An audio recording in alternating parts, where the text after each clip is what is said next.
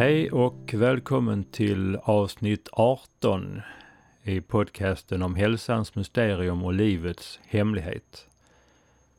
Jag heter Lars Nilsson och eh, det finns mer material och mina länkar ligger på amixe.se.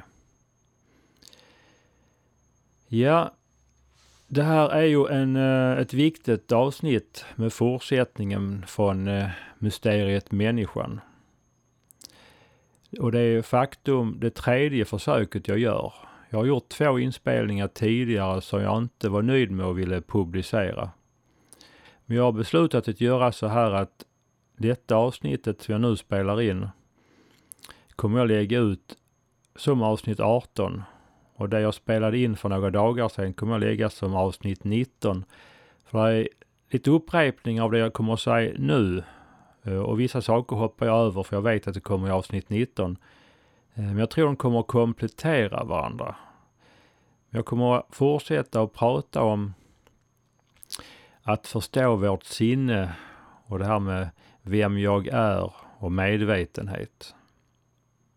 Och i nästa avsnitt så handlar det förutom detta även framförallt om just uppmärksamhet. Hur vi kan uppmärksamma på olika sätt. Uppmärksamhet betyder att jag riktar min uppmärksamhet mot någonting. Det vill säga jag som subjekt riktar uppmärksamheten mot någonting som då är ett objekt. Och till och med själva betydelsen av ordet uppmärksamhet betyder just att det är jaget som stretchar ut mig själv mot någonting annat.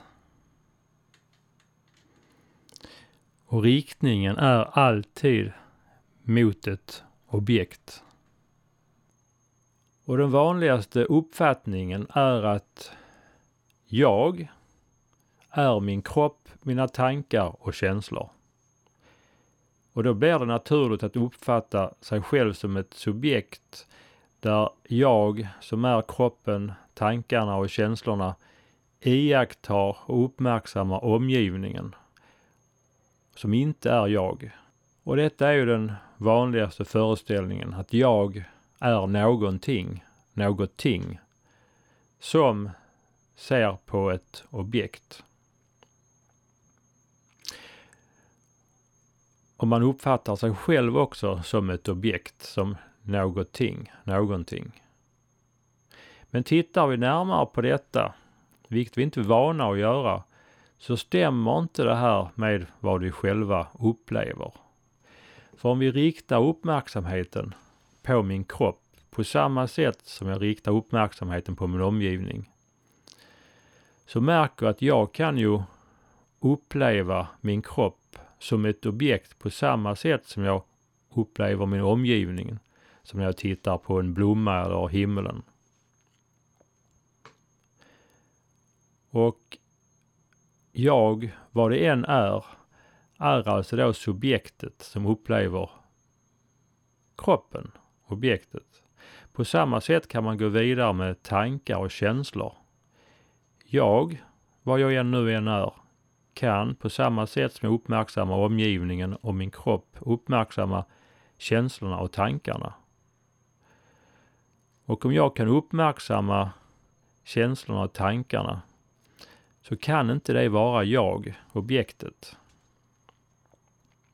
Så då får vi ju en ny upplevelse och erfarenhet och förståelse av detta att jag, vad det än nu är, inte är omgivningen, kroppen, tankarna och känslorna, alltså något objekt. Jag blir då så här långt i den här förståelsen vittnet.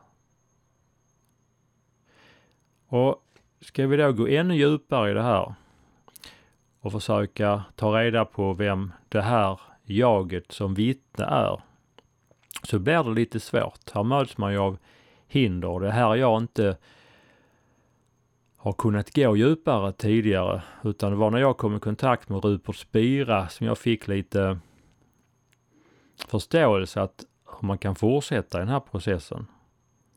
För det som gör det så svårt är ju att ett öga kan ju inte se på sig själv. Och solen kan inte lysa på sig själv. Och vi kan endast uppmärksamma och rikta vår uppmärksamhet på objekt. Och vi kan i princip uppfatta allt utom oss själva. Eftersom vi är inte ett objekt. Och då kan man ur ett materialistiskt perspektiv uppfatta det som att vi inte är något objekt. Alltså inget ting. Som man då kan slarvigt säga att vi är ingenting. Men samtidigt känns ju detta fel. För även om jag nu inte är något ting så upplever ju jag att jag är ju ändå något. Jag kan ju inte vara ingenting. Så, ja, vad är det nu som jag är? Ja, i den här upplevelsen av tankar, känslor och kroppen. Så det jag är, är ju det som upplever. Jag upplever ju mina tankar och känslor. Så jag är ju något som upplever och jag är ju medveten. Så jag är ingenting, men jag är en, något som upplever och är medvetet. Och det här är en, en viktig eh, nyckel, nyckel också i vår förståelse. För att så att vill vi verkligen uppleva och lära känna och ta reda på vem vi egentligen är, så kan vi inte rikta uppmärksamheten mot någonting. Och så fort vi riktar uppmärksamheten mot någonting så per definition så riktar vi ju uppmärksamheten bort från oss. Så hur ska man då resa? I vilken riktning ska jag ta? Ja, det finns ju ingen riktning i den här vanliga meningen. För alla riktningar går ju mot ett objekt. Och det är ju det här som då gamla mästare har upptäckt för mycket länge sedan. Och där finns spännande uttryck och ett av dem är Sluta res och du är framme. Så vi tycks vara det här medvetandet, nuet, det inre lugnet och till och med lyckan och kärleken. Så vi behöver inte göra någonting utan det handlar bara om att vi ska vara. Men Rupert Spira menar att just den frågan, vem är jag, den ställer till det för många. Det är väldigt lätt att hamna i intellektuella eh, funderingar som tar oss bort från den vi egentligen är. Utan han menar på att det är bättre istället att säga till oss själva, är jag medveten? Är jag medveten om att jag är medveten? För många kan det vara lätt att med guidning och rikta sin uppmärksamhet så här eh, bli närvarande och medvetna. Men sinnet kommer. Och då finns det olika medel eller tekniker och sätt för att hantera detta. Eh, vi har ju ett monkey mind. Det vill säga jag har ett ständigt chatter av tankar som kommer. Så det handlar ju om att stilla vårt sinne. Eh, och ett sätt att göra detta, det är ju att tänka på ett objekt. För om vi fokuserar vår uppmärksamhet på ett objekt istället för hoppar och tjattrar mellan 10-20 så blir det ju någon form av stillhet. Något form av lugn som, som kommer.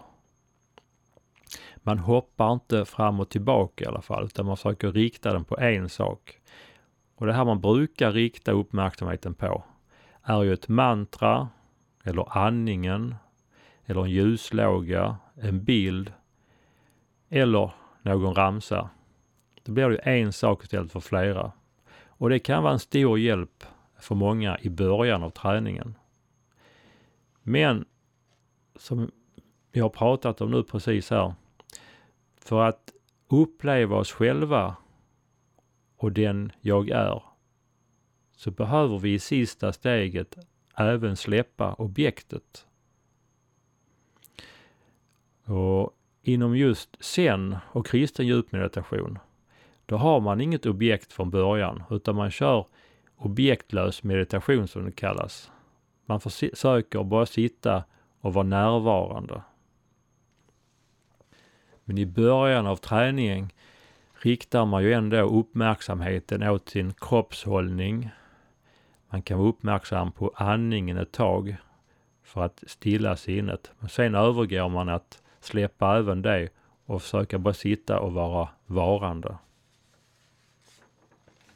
Så därför kan man säga att man kan gå den direkta vägen att uppleva stillheten och det inre lugnet bara genom att vara. Och för vissa behövs det ingen teknik eller meditation eh, utan den här insikten som jag pratar om här kan räcka för en del att hitta hem. Men för de flesta kan man behöva någon hjälp på vägen. Och det sätt som eh, jag nu har eh, börjat prata om på tidigare podcast, eh, det är att man delar upp den här processen i två steg. Och för att förstå de här två stegen så kan det underlätta att man vet hur vårt sinne fungerar. Som människa kan man säga att vi är utrustade med ett sinne. Och med sinne menar jag tankar, känslor, upplevelser som hörsel, lukt, sinne och beröring. Och det har det visat sig att den vi är, är inte den vi tror vi är. Så utifrån den här förståelsen så är min sanna natur ett rent medvetande. Men som människa har vi blivit ett separat medvetande. Och detta separata medvetandet har ett sinne och en kropp. Och när vi är stilla i vårt sinne, har den inre lyckan, då kan man säga att då är vi så nära oss själva som vi kan vara. Och så nära som vi kan komma vem jag är. Men som ett separat eh, människa så upplever vi kroppen, tankar, känslor och världen. Vi är detta som upplever, inte det vi upplever. Problemet till det mänskliga lidandet och mycket av den psykiska ohälsan det är att vi har identifierat oss med eh, innehållet i det vi upplever. Så istället för att veta och inse att vi är den som upplever saker genom sinnena så har vi börjat tro på så länge så vi har blivit identifierat med innehållet i det vi upplever och tror att det är vi. Så vi tror därför att vi är kroppen, tankarna och känslorna. Vi har alltså förlorat oss i våra, i vår upplevelse. Men att förlora sig i vår upplevelse är inte det egentliga problemet. För vi förlorar vi oss ofta och ständigt i till exempel böcker och filmer utan det är ett problem egentligen. Eh, men när vi förlorar oss i böcker och filmer, då är vi medvetna om att det bara är en bok eller en film. Det som är problemet är att vi på riktigt tror att vi är våra upplevelser. Vi kan inte bara bryta den här upplevelsen på samma sätt som vi när vi ser en spännande film eller läser en spännande bok, bara tänka att det här är inte på riktigt.